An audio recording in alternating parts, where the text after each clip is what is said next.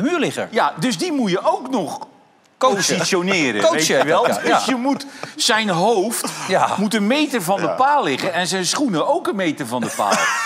Maken wij het nog mee dat er dadelijk twee lepeltje lepeltje ligt? Mee dat er dadelijk twee lepeltje lepeltje ligt? De muurligger. Ja, dames en heren, welkom bij alweer een gloednieuwe aflevering van Muurliggers, de podcast. Het is maandag 18 september en ehm, we hebben natuurlijk afgelopen week eh, op woensdag opgenomen. Meestal zijn we toch altijd zoekende van welke dag in de week pakken we nu. Deze week was de maandag het ideaalste voor ons. En dat betekent dat alle Europese wedstrijden deze week nog gespeeld moeten worden. Daar komen we dus later op terug. Maar voor nu nemen we absoluut eh, afgelopen weekend mee. We hebben natuurlijk vorige week eh, het vooral over het interlandvoetbal moeten hebben. En eh, beide hadden de intentie om er misschien een iets kortere opname op van te maken. Maar dat is helaas niet gelukt. Eens kijken of, of ons vandaag dat gaat lukken, Brent. Ja, Keanu, daar zitten we weer, hè? Het was weer een uh, innoverend weekend. Innoveren is echt het goede woord, ja. Ik uh, ben heel erg benieuwd hoe jij, uh, hoe jij het weekend beleefd hebt. Ja, fenomenaal natuurlijk. ja, goed. Natuurlijk dramatisch voor wat er gebeurd is, maar niet verbaasd of verrast of wat dan ook. Lag eigenlijk wel bij de resultaten en dan refereer ik even aan Ajax en United. Dat lag wel in de lijn der verwachting natuurlijk teleurstellend als het ook uh, daadwerkelijk uitkomt. Maar uh, ja, goed. Uh, als je ziet waar de opponent van Ajax momenteel staat, FC Twente, en de opponent van United, Brighton. Ja, die zijn gewoon een stuk verder. Dus dat kan ik wel lang piepen. Maar ehm, ja, dit lag eigenlijk in de lijn der verwachting dat dat gewoon twee neerlagen gingen worden. En helaas werd dat werkelijkheid. Kan ik, kan ik stellen dat ik wat meer berusting ervaar dan frustratie bij je? Absoluut. Maar dat is eigenlijk, uh, is dat al voordat het seizoen begonnen is, was dat al uh, bij mij. Niet als je specifiek naar United kijkt, toch? Ik neem aan dat je wel iets positiever het seizoen in bent gegaan dan, hè, waar we vorige week uitgebreid over gediscussieerd hebben, dan Ajax. Waar je, denk ik, als Ajax ziet en vele Ajax ziet de met jou het seizoen eigenlijk vooraf al afgeschreven had. In ieder geval wel als zeer lastig hebt bestempeld. Maar United, best een prima voorbereiding gehad. Ja, ten opzichte van Ajax zeker. Ik vind het geen goede voorbereiding wat United heeft gehad. Daar zag je ook wel toch al links en rechts uh, ja, dat er uh, nog genoeg werk aan de winkel was. Wisselvallige resultaten gehaald. Volgens mij de wedstrijd tegen Arsenal in midden juli is de laatste wedstrijd geweest die United een winst heeft omgezet in de voorbereiding. Dus uh, met een heel lekker gevoel gingen ze die competitie al niet in. Ik had wel verwacht dat het spel beter zou zijn dan wat ik tot nu toe gezien heb. Um, ik had ook wel gehoopt op wat meer kwalitatieve injecties in de spelerselecties. Maar dat, spelerselectie moet ik zeggen, maar dat bleef helaas uit. Dus um, ja, goed. En je wist natuurlijk dat je toch wel een vrij zwaar programma had. Uh, Tottenham uit, Arsenal uit, Brighton thuis. Drie wedstrijden die je best kan verliezen als je niet uh, op een topniveau zit. En helaas is dat ook werkelijkheid geworden. Dan kan je nog van geluk spreken dat je Wolverhampton en Nottingham Forest met pijn en moeite winnend afsluit. Maar anders zag het natuurlijk heel anders uit. En dan mag je nog blij zijn dat je nog zes punten hebt na vijf wedstrijden. En ja, dan moet je woensdag uit naar Bayern München. Dus uh, het moraal uh, dat is natuurlijk niet heel hoog momenteel in Manchester. Nee, nee ik denk dat we hier uh, zo meteen nog wel iets uitgebreider bij stel gaan staan. Ja, dat komt nog denk ik. Ook Ajax. Ja, het komt beide nog terug in de stellingen. Dus laten we maar gewoon beginnen met het moment van de week. Wat was er bij jou? Ja, net zoals een paar weken terug was mijn moment van de week toch wel een competitie die we niet heel veel behandelen hier. Ik denk ook bijna een competitie, als ik van ons beiden mag spreken, zo moet ik het zeggen, die we niet op de voet volgen. Maar ik ben er dit weekend wel een keer gaan, voor gaan zitten. Eigenlijk ook nog vrij per ongeluk. Ik schakelde namelijk Ziggo Sport en ik dacht, oh, Inter tegen AC Milan gaat beginnen. Ja, mijn moment van de week, en ik denk dat, dat je hem wel al mijlenver de aankomen, dat is toch wel het 2-0 van, van Marcos Thuram. Uh, ja, wat een geweldige goal. Uh, ik kan er heel, heel uh, lang of breed over lullen, maar voor de mensen die hem niet gezien hebben, alsjeblieft kijk de samenvatting even terug. Over het algemeen sowieso best een leuke pot. Inter wint met 5-1 van Milan. Zeer zeker verdiend, maar de uitslag wel, wat mij betreft, enigszins geflatteerd. maar die 2-0 is eigenlijk eentje om in te lijsten. Ja, prachtig doelpunt. Ja, ik weet niet hoe ik het anders moet omschrijven, maar eh, gewoon echt een wereldgoal. Nee, en je ziet wel, en dat vind ik toch wel interessant, en het verbaast me altijd wel over het Italiaanse voetbal. Daar, wordt een soort, eh er is een soort recycle-methode op het gebied van transfers, van jongens die eigenlijk al in de andere, laten we zeggen, top 5 grote competities afgeschreven zijn, die toch een beetje roleren binnen die Italiaanse topploegen. Je hebt nu Mkhitaryan rondlopen bij, eh, bij Inter, die scoort er twee. Ja, niet goed genoeg voor United, niet goed genoeg voor Arsenal. Eh, leuk gedaan bij, bij Roma. Eh, maar ook niet daar staan van de hemel. Ja, en die, die speelde een geweldige pot. Zo'n Inter haalt Alexis Sanchez weer terug. Na een seizoen eh, eerder hem verkocht hebben aan, aan Marseille. En toch op een of andere manier in die competitie en de spelopvattingen die in die competitie worden gebruikt door de trainers, renderen dat soort jongens. Ja, ik vind dat toch wel interessant, man. En ik vind dat ook wel leuk om te zien, omdat er toch wel jongens zijn die je nog vanuit een bepaald sentiment vroeger kan herinneren. In de, bijvoorbeeld de piekjaar bij Dortmund, zo'n uh, Mkhitaryan of een Sanchez natuurlijk. Ja, hij is als supporter een piekjaar bij ons. Bij United hebben jullie er nooit heel veel van gezien. Verrassend. Ehm, nee, maar dus dat vind ik, eh, vind ik wel leuk in de Italiaanse competitie. En ik moet ook heel eerlijk zeggen, als ik daarbij eh stil blijf staan, ik heb wel een samenvatting ook gekeken van eh Juve tegen Lazio. En het Juve, dat, ehm, dat is ook wel aardig uit de startblokken geschoten. Met name Vlahovic, die eh, er 4 uit 4 nu in heeft liggen. Die nog de hele zomer werd gelinkt eventueel aan een transfer naar Chelsea. Die vorig seizoen eigenlijk best een penibel seizoen heeft gehad na zijn ja, furoren gemaakt hebben bij Fiorentina. Maar eh Italiaanse competitie ten opzichte van vorig jaar ligt echt wijd en breed open. Want Napoli is ook nog niet zo begonnen zoals ze vorig seizoen begonnen zijn. Dus zou zomaar een hele leuke competitie kunnen zijn die we de komende periode in de gaten kunnen houden, denk ik. Je ziet sowieso wel echt een hele transitie in die Italiaanse competitie. Ja. En Ja. Wedstrijden waren vroeger echt niet om aan te kleuren. Eindigde altijd in 0-0 of 1-0 of 1-1. Momenteel zit er gewoon echt veel en leuk aanvallend voetbal eh, in de Italiaanse competitie. Ja, maar je hebt natuurlijk ook wel, kijk, je komt natuurlijk in een periode eh, wat we in Duitsland ook nog steeds hebben. Hè? Eh, Een Juve wat volgens mij 10 of 11 jaar op rij kampioen wordt. Waar je dus aan het begin van het seizoen wist, oké, er kan heel veel gebeuren, maar aan het einde van de streep wordt Juve toch kampioen. Maar je ziet nu dat dat niet meer een gegeven is en dat er toch, toch een aantal ploegen zijn die mee kunnen doen. Dan schrijven Milan zelf ook niet af. Die er redelijk wat geblesseerd, maar ik vind dat die zich ook erg leuk versterkt hebben afgelopen zomer. Zeggen zo'n Reinders, die viel me verre van tegen op het middenveld. Als je nu met vijf in eraf gaat, dan krijg je natuurlijk niet heel veel, eh goeie, niet heel veel hoge ogen. Maar eh, ja, leuke competitie om te volgen, denk ik. Maar was Inter ook afgelopen weekend echt twee, drie klassen beter? Jawel, eigenlijk Ja. op alle fronten. Maar Milan kwam gewoon overal tekort. Het wordt dan eh, eh, net na rust wordt het nog een leuke pot door de 2-1 Van Leao, hè? eh, van Leao. Ja, goede aanval. Eh, en volgens mij vrij snel daarna scoort Milan de 3-1 en krijgen ze daarna ook vrij snel een pingel, 4-1. Ja, dan is die wedstrijd eigenlijk, eigenlijk klaar. Ja, die vijf in, eh, die 5-1. vielen in de blessuretijd van Ja. Inter. Hè. Ja, ja, ja, goed. eh, dat eh, doet natuurlijk pijn eh, voor eh, de Rossoneri's. Maar ehm, ja, goed, het seizoen is natuurlijk nog lang. Maar ik denk ook wel dat het dicht bij elkaar kan liggen. Ik vind Lazio vind ik ook op zich best wel een leuke groep hebben. Juventus maakt een hele goede indruk. Napoli heeft afgelopen seizoen natuurlijk fantastisch Ja. gespeeld. Dus dat kan wel eens allemaal heel dicht bij elkaar liggen. Ja, Eh, ja, AS Roma won volgens mij afgelopen weekend ook met 7-0, dacht ik. Dus ehm, ja. ja, wellicht een leuke competitie om dit seizoen te volgen. ja, wat was jouw moment van de week? Ja, goed, eh, dan moet ik heel erg bekennen dat dit ook eigenlijk mijn moment van de week was. Daar ja. hadden we het net even over, maar eh, Hmm. ik schakel nu eventjes over naar Almere City. Die eh, historie hebben geschreven en hun eerste punt op het hoogste niveau ooit hebben gehaald. Uit bij Excelsior. Hoeven we niet heel veel woorden aan vuil te maken. Maar eh, ja, goed, toch even de credits eh, naar Alex Pastoor. Die iedere week eh, toch vrij geïrriteerd voor de camera staat omdat het maar niet lukt. En Ook dat- afgelopen week, en- of afgelopen weekend. ja, ja, dan was hij weer geïrriteerd dat ze niet gewonnen hadden. Ik vind het op zich wel leuk om naar te kijken. Ik vind het geen leuke fan of zo, maar hij brengt wel altijd iets van schwung of zo eh, als hij geïnterviewd wordt. Best leuke televisie. Maar 0-0, dus eh, ja, ik ben wel eens benieuwd man. Eh Volendam nu eh, weer verloren. Die staan nog als enig op 0 punten na vijf wedstrijden. Dus eh, ik denk dat onderin in de Eredivisie dit seizoen ook wel eh, redelijk dicht bij elkaar allemaal gaat liggen. Ja, dan vraag je toch wel af als je gaat kijken nu naar de, inderdaad, naar de top van de KKD en de onderste regionen van de Eredivisie. Vraag je wel of misschien voor het eerst sinds jaren is dat je het gevoel hebt dat dat veel dichter bij elkaar ligt. Want ik denk dat wij de afgelopen seizoen veel hebben gezegd wat er ook gebeurt. Op het moment dat een KKD-ploeg een Eredivisie tegenstander in de play-offs gaat treffen, is het verschil eigenlijk te groot. Waardoor je eigenlijk weet dat je het niet gaat redden. Misschien op basis nog van, hè, Eh, negativiteit hebben we bij Heracles gezien vorig seizoen. seizoen daarvoor, toen ze degradeerden. Daar stortte het eigenlijk helemaal in.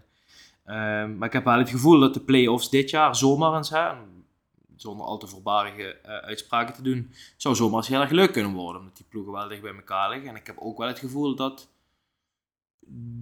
zoals het nu staat, zo gaat het ook wel eh, ongeveer eindigen dit seizoen in de Eredivisie. Ik kan me niet voorstellen dat er nog heel veel eh, grote namen gaan afzakken. Want ik vind gewoon ploegen als Almere en Volendam vind ik eigenlijk gewoon te min. Ja, ik denk dat Ajax het nog wel lastig gaat krijgen om handhaving te bewerkstelligen. Dus eh, ik wil het nog wel eventjes zien, dus dat wachten we nog wel even af. Hey Brent, we naar de stellingen gaan? Ja, goed, eh, goed plan. Uitstekend. Nou jongens, vijf stellingen, daar komen ze. Stelling 1, Manchester United is niks opgeschoten sinds de komst van Erik ten Haag. Eens. Oneens. Stelling 2, AZ is meer titelkandidaat dan Ajax. Poeh. Ik ga toch voor eens. Eens. En dat bedoel ik uh, zeer zeker niet uh, uh, sceptisch. Dat is meer omdat ik toch wel een beetje twijfel, maar ik ga voor eens. Oh, oké. Nee, ja, voor mij is dat zeker weten Ja, eens. dat snap ik. stelling 3. Het wordt langzaam tijd om Roda serieus te overwegen als titelkandidaat. Oneens. Ik ben het daar ook mee oneens. Stelling 4. Dit PSV gaat een resultaat halen bij Arsenal. Oneens. Ik zeg ook oneens. En stelling 5. Manchester City is dit seizoen wederom titelfavoriet voor de Champions League. Oneens. Hmm, dat vind ik wel denk ik nog wel de lastigste. Maar ehm, ik ga toch voor eens. Nou, kijk aan. Laten we er maar gewoon eh, direct induiken. Oké, nou Brent, eh, Manchester United is niks opgeschoten sinds de komst van Erik ten Hag. Ligt het toe? Ja, daar viel mij eh, dit weekend iets, iets in. En het is meer een gevoel. Maar ik ben eens even een beetje terug gaan denken onder de tijd dat... moet ik even goed zeggen, wie volgde Solskjaer op? Ralf Eh, Rangnick nee, wie, zeg maar, wie zat er voor Solskjaer? voor Solskjaer. Ja, bij Mourinho. United. Ah, Mourinho, ja. Ehm, toen Solskjaer kwam, eh, merkte hij eigenlijk een beetje hetzelfde positieve effect als wat Ten Hag eh, afgelopen seizoen heeft gehad toen hij Ranjik mocht opvolgen. Het kon eigenlijk niet slechter. Het was een jongen van de club, hè, Solskjaer. Hij zette een hele capabele serie neer. Eh, haalde uiteindelijk ook een Europa League finale. Goed, die verlies je met penalties, maar als je die had gewonnen, had je het zo van hetzelfde reactie gehad als Ten Hag. Goed, op een gegeven moment stortte het in, werd hij ontslagen. Het was drama, drama, drama. Ranje kwam, ja, stortte helemaal in. Toen kwam Ten Hag. En Ten Hag werd natuurlijk wel gehaald als de grote meestertacticus van Ajax, de voetbalgek, die dit United wel eens even naar het volgende niveau ging tillen. Vorig seizoen eh, denk ik dat hij met de middelen die hij eh, had op dat moment best een prima seizoen heeft gedraaid. Uiteindelijk de eerste prijs in x aantal jaren gepakt. Waar je denk als United supporter ook wel heel eerlijk in moet zijn. De prestatie op zich doet natuurlijk niet tekort. Maar de loting en alle wedstrijden die je gevoetbald hebt, ja, het zat natuurlijk ook gewoon reuze mee hè, daarin. Je hebt niet echt een fatsoenlijke tegenstander gehad tot Newcastle in de finale, als je het mij vraagt. En dan zou je zeggen, dan wordt dit het seizoen van het doorpakken. Dan wordt dit het seizoen dat Ten Hag natuurlijk zijn investeringen kan doen. Hij haalt de keeper die hij wilt, hij haalt de middenvelder die hij wilt, hij haalt de spits die hij wilt. En we zijn nu vijf wedstrijden verder, zes wedstrijden verder. En we beginnen nu eigenlijk weer een beetje in dezelfde cyclus te komen als begin vorig seizoen, voordat hij aangesteld werd. Mij doet dit heel erg denken aan Solskjaer-tijdperk. En als ik nu ga kijken hoe United nu voetbalt ten opzichte van dat, vind ik dat het er A niet beter uitziet, dat het B er niet positiever uitziet, en C kun je afvragen als je die prijs wegneemt, hè, die ten heeft gepakt, of die een betere prestatie op dit moment leveren is dan wat Solskjaer gedaan heeft in die tijd. Ik vind het discutabel. En ehm, je zegt in je betoog ehm, dat eh, je best vindt dat hij het knap heeft gedaan met de middelen die hij vorig jaar had. Als je dan nu kijkt wat hij tot nu toe de eerste weken heeft moeten doen, is eigenlijk de enige aankoop die structureel in de basis heeft kunnen staan Onana. Mount na twee wedstrijden geblesseerd. Huiloen start voor de eerste keer in de basis afgelopen weekend. Hoezo is het dan eh, afgelopen jaar knapper of moeilijker was het toen dan nu? Omdat ik denk dat de negativiteit toen rondom de club best zwaar was. Nogmaals, voor hem was het misschien eh, qua instapmoment makkelijker dan nu. Want dit is natuurlijk het bewijsseizoen, vorig seizoen, denk ik. Eh, na de eerste, op de eerste twee wedstrijden na zag je eigenlijk, kreeg je de positiviteit meer in de schoen. Ja, goed, blessures horen erbij. Dat heeft elke ploeg. Dus dat mag geen excuus zijn voor een trainer. Ik vind sowieso dat een achterhandje nog even heel veel excuses te zoeken, maar dat mag geen excuus zijn. Maar in principe heeft hij de investeringen gedaan die hij wilde. Eigenlijk vorig seizoen ook al grotendeels.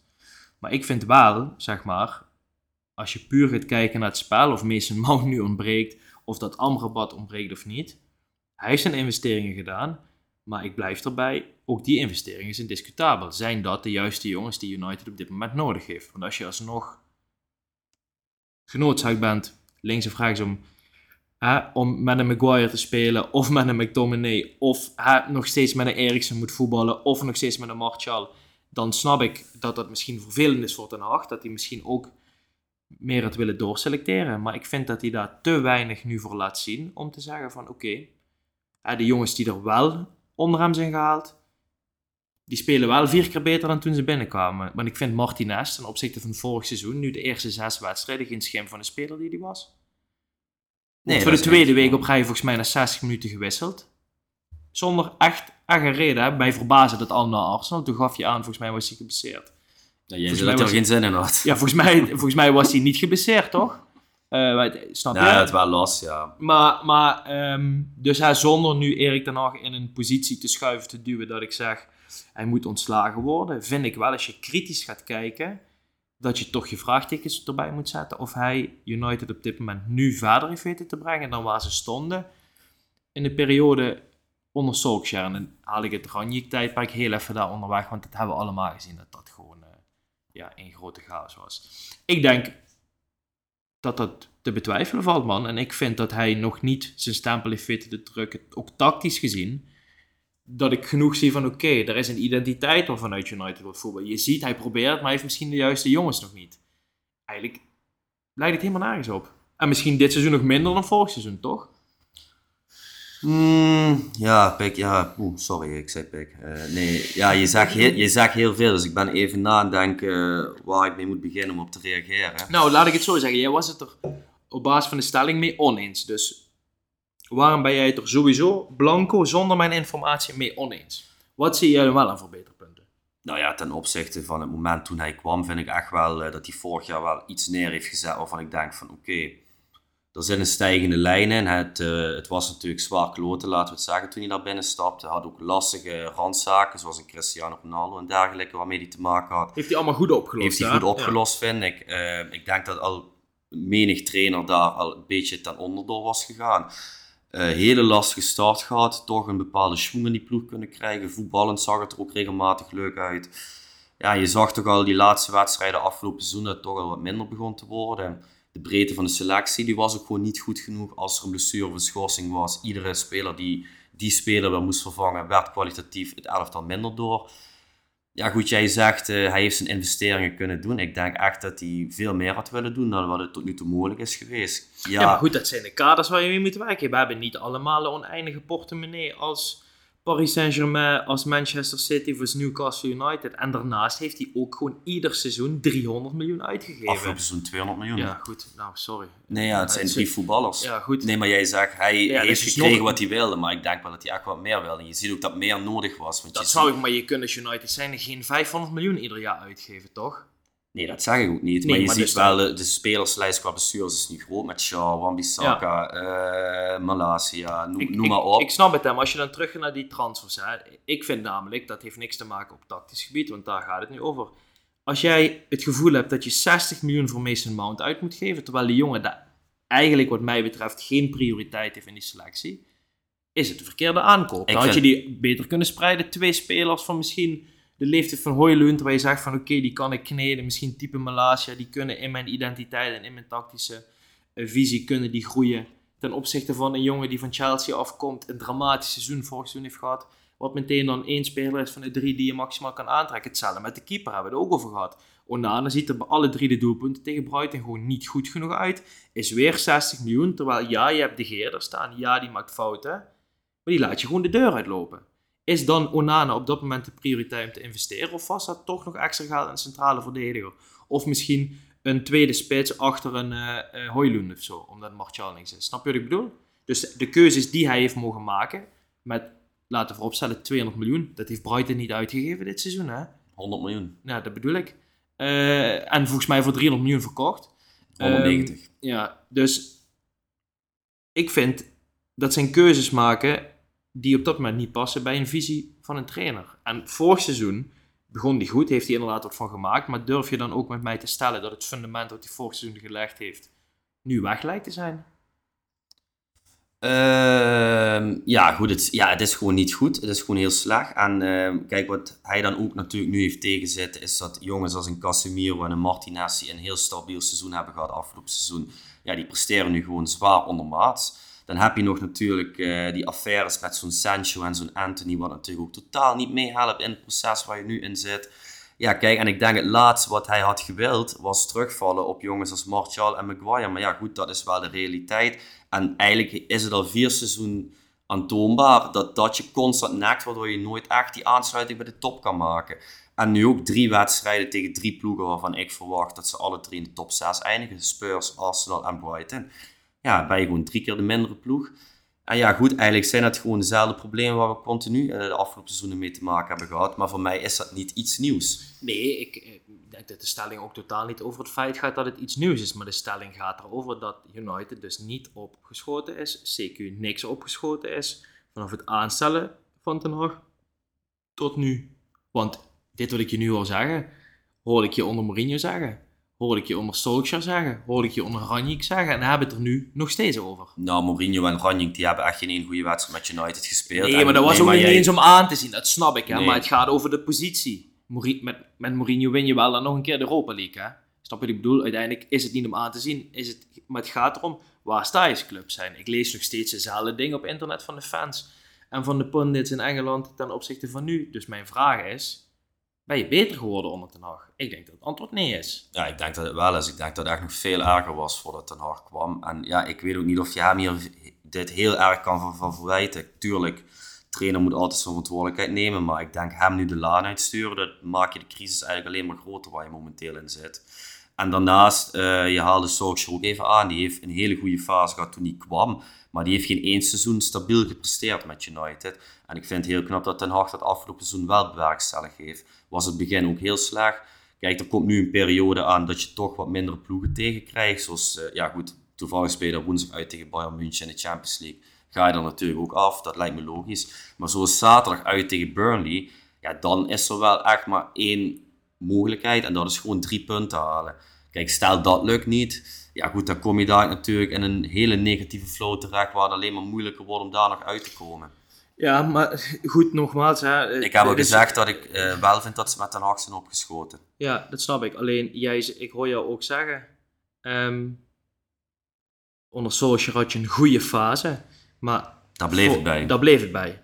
Ten Hag, volgens een klote begin, goed middenstuk, klote einde. Nou, stabiel einde. Nou, vind ik niet, niet voor United, niet voor de progressie die je ingezet hebt. Want er werd zelfs ergens midden ingesproken over, is United misschien titelkandidaat? En op een gegeven moment stortte dat Ja, ook maar dat was niet reëel. dat maakt niet uit of het reëel is of niet, maar uiteindelijk kakte het wel in. Daar kun je heel veel excuses voor zorgen, maar mij... Ik vind het wel reëel. City en Arsenal waren toch veel beter. Nee, maar ik bedoel, dat werd toch geroepen op een gegeven moment. Ja, Ten door wie werd dat geroepen? Ten Hag ook dat ze in principe meededen om. Het enige wat ik wil zeggen is, je, zegt, je geeft terecht aan, kakt op het einde wat in. Dan kun je niet spreken over een consistent, stabiel seizoen. En nu heb je weer hetzelfde als vorig seizoen. Je begint weer kloten. Dus de verwijten die jij de andere trainers meegeeft, zijn eigenlijk feiten die Ten Hag nu ook ondervindt. Namelijk, het lukt nog niet. Nogmaals, is het pas een seizoen bij de club. Maar het is nog niet dat je kunt spreken van consistentie. Want anders zou hij die lijn wel door kunnen trekken, toch? Ja, niet met deze selectie. Oké, maar Je durf je dan te stellen dat Solskjaer en Mourinho bijvoorbeeld eh, meer middelen hadden om te investeren in alle spelers die zij willen dan wat Ten Hag nu heeft? Er is sowieso veel meer uitgegeven onder Mourinho en eh, onder Solskjaer. En ook echt ja, kwalitatief op papier veel betere spelers.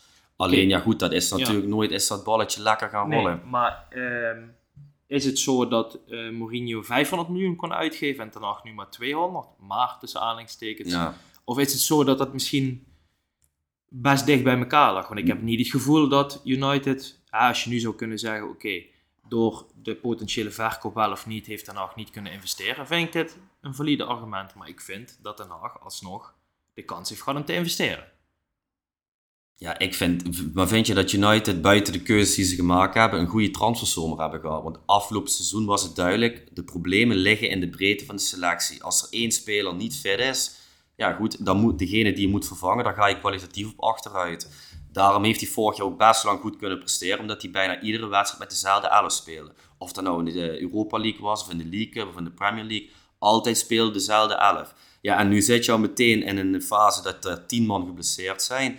Je hebt uh, Anthony die uh, ja, van alles wordt aangeklaagd. Je hebt Sancho die uh, zich schijnbaar niet kan gedragen. Ja, dat speelt natuurlijk ook al, is ook al zwaar kloten. Ja, dus dan val je nogmaals terug op jongens als McTominay, als Maguire, als Martial. En je weet wat daarvan komt. Daar komt gewoon zware ellende van. En dan verlies je van Arsenal, en dan verlies je van Brighton, en dan verlies je van Spurs. Vind ik een logisch vervolg. Nee, oké, de resultaten spreken dan... oké, dat kan, hè. Kan, kan, kan gebeuren. In een seizoen waar je misschien minder hebt kunnen investeren. Daarnaast vind ik alsnog hij haalde ook Varane naar de club met 28. Hij haalde Casemiro naar de club met 29 of 30. Snap het zijn ook allemaal zijn investeringen. Hij haalde ook Martinez naar de club. Start prima. Lijkt nu even zijn weg niet te vinden. Mhm. Kan gebeuren. Is denk ik wel nog jong genoeg en potentie genoeg. Hij haalt ook Malasia naar de club. Hij haalt ook Hoylund naar de club met een prijskaartje en heel veel verwachtingen. Goed, ik denk dat je Martial moet vervangen, hebben al gesteld kun je niet heel veel meer slechter presteren. Maar als die jongen dadelijk ook vijf wedstrijden achter elkaar niet scoort, gaan daar ook alweer, want je weet hoe het in Engeland gaat. Mijn punt is dat heel veel dingen kun je afschuiven op het dit en dit en dit zit tegen, maar dat heeft iedere voetbalclub. Snap je? Want dan moet ik nu ook al zeggen, ja, het seizoen voor Arsenal is ook al voorbij, want Jesus is nog steeds niet fit en Party is er geblesseerd en Martinelli valt nu nou, uit. Jullie dus zijn in de breedte wel echt een stuk ja, zaken hoor. Ja, maar goed, als je dus er niet voor kiest om de breedte te versterken, maar individuen in de basis te gaan vervangen, als een Onana, als een Mount, et cetera, et cetera, et cetera, zijn er toch de verkeerde keuzes dan. Dus dan is dat er nog aan te rekenen. Ja, maar Mount was een breedte aankoop. Dat was de bedoeling dat je niemand met McTominay of Fred hoeft te voetballen als er iemand wegvalt. De Gea wilde alleen blijven als hij salarisverhoging kreeg, terwijl hij al 4,5 ton per week verdiende. En daar speelde hij gewoon niet goed genoeg voor. Ja, ik vind dat wel goede argumenten. Alleen, er had gewoon veel meer bij moeten komen. Ja goed, en die Regulon die speelde dan nu voor de eerste keer mee. Moeten we nog afwachten. Amrabat moet zijn eerste wedstrijd nog voetballen. Ja, En, maar dat het ondermaats is, ja goed, dat is iets wat ik nu al drie keer heb gezegd. Het is heel slecht, dat klopt. Maar ja, in hoeverre is het ten harte verwijten? Ik denk dat uh, hem ontslaan, dat dat uh, echt niks uh, positiefs gaat brengen. Nee, maar je denkt dat ik dat probeer te suggereren. Maar wat ik het idee heb, wat je in ieder geval niet uit mijn woorden haalt, is... en dat kan misschien omdat je dat op een andere manier bekijkt dan ik als buitenstaander. Je herkent niks in het spel van United terug, wat door de hand van Ten Hag aangelegd is ongeacht, met alle respect, alle excuses die jij nu opnoemt, niet genoeg spelers kunnen halen, die is geblesseerd, dat is geblesseerd, dat hoort bij het voetbal. Maar als ik naar United kijk, zie ik niks waarvan ik zeg, daar zie ik de hand van Ten Hag. En afgelopen seizoen ook niet? Ik had het idee, afgelopen seizoen was zijn tactiek stabiliteit. Vanuit een solide fundament, verdedigend sterk, en dan vertrouwen we eigenlijk, met alle respect, op een hele grote fase van het seizoen, op de individuele klasse van Rashford. Mhm.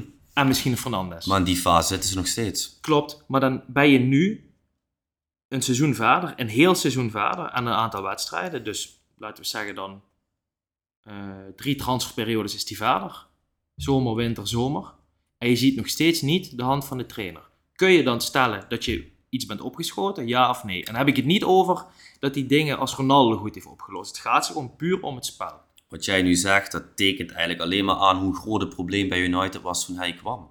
Nee, dat snap ik. Maar, nee, maar ja, dat geeft geen antwoord nee, op wel, jawel, ik geef wel antwoord. Want je hebt dus drie transferperiodes gehad. Je bent nu één seizoen verder.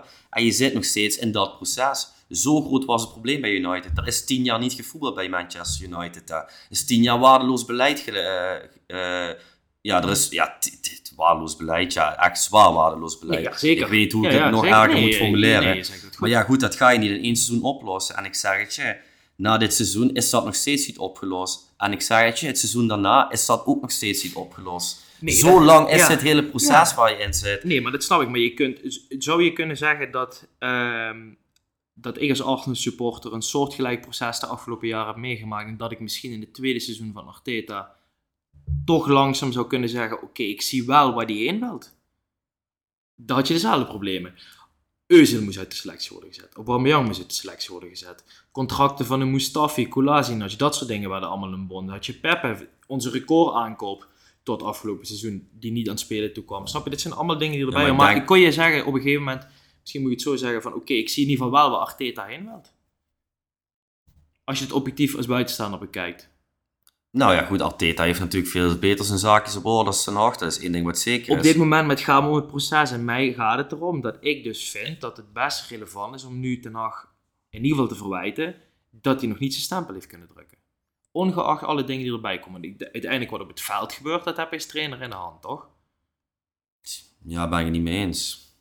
Ik denk als je zo'n, met, met zo'n elftal moet doen, dan denk ik dat dat reuze meevalt. Oké. Hoeveel je als trainer aan de hand dus dan maken, we, dan maken we nu maar meteen een bruggetje naar stelling 2. Dus Maurice Stijn is het in principe ook niet schuld wat er op het veld gebeurt. Ik vind niet dat je Maurice Stijn heel veel kan verwijten wat er is Oké. gebeurd. Alleen dat ze binnen 11 minuten met 2-0 achter staan. Maar ja, en ja, goed, en misschien dat hij dan toch, eh, wat ik hem wel verwijt, is dat hij dan twee middenvelders die net nieuw bij de club zijn. Ja, goed, die Tahirovic is dan wat langer. Dat hij daarmee start en denkt van ja, goed, dan kan je daar misschien beter een Kenneth Taylor neerzetten. Maar ik had begrepen dat die Noor die ze gehaald hebben, dat die eh, afgelopen donderdag op de eerste training als een hele, al hele training naar zijn hand had gezet. Dat ze daar zwaar van onder de indruk waren. Maar verder eh, vind ik niet dat je Maurice Stijn heel veel kan verwijten voor de situatie bij Ajax momenteel. En ik weet dat jij het daarmee oneens bent, maar dat is wel mijn mening. Nee, ja, goed. eh, we hoeven het hier ook zeer zeker niet over eens te worden. En ik denk dat de luisteraar zelf zijn, zijn mening mag trekken. Ik vind het zeer frappant dat jij inderdaad zegt dat een trainer eh, niet schuld is wat op het veld gebeurt. Maar goed, dat is een discussie voor een Ik later heb gezegd, je eh, hebt niet voor alles in de hand als Nee, trainer. maar ik vraag aan jou. Is Ten Hag het schuld dat het spel er niet uitziet? Zeg jij nee? Nee, ik heb, nee, dat- nee, nee, nee, nee, nee, dat, dat vroeg je niet. Je vroeg iets anders. Je vroeg iets anders, luister maar terug, Bent. Je vroeg iets anders. Ja. Nu je podcast gaan terugluisteren. Ja. Maar dat was wel de essentie van mijn vraag. Het spel is niet Een trainer is altijd verantwoordelijk voor het spel, ook maar voor als je, tactisch beleid, toch? ook voor tactisch beleid, dus, als je, dus als je als trainer zijn het spel niet naar de hand kan zetten. dan moet jij je verantwoordelijkheid nemen. Dat klopt, maar ik zie het toch iets breder in. En ik vind dat Ten Hag, dat je hem niet mega veel kan verwijten, dat Oké. United Ah, momenteel zo zwak Ja, is. en wanneer komt... eh, ja goed, nogmaals, dat mag je vinden. Ik vind dat, eh, ik vind dat verre van. Want, want ik denk gewoon, goed, hij maakt de keuzes, hij maakt de opstelling. Wanneer komt er dan wel een moment waarop je dan nog dingen mag gaan verwijten? Want ik snap natuurlijk, hè, je bent United supporter.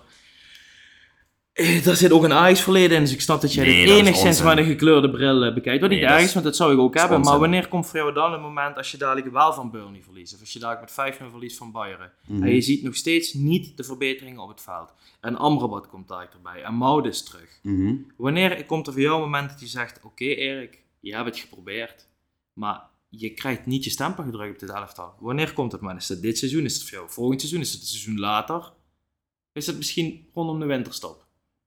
Ja, daar kan ik geen tijd aan verbinden, maar het feit is wel als het zo door blijft gaan en je ziet de komende weken geen eh, progressie en je gaat ook niet van de kleine clubjes winnen, ja goed, dan weet je zeker hoe het in Engeland werkt en dan zou ik uiteindelijk ook een conclusie trekken dat dit niet meer gaat werken.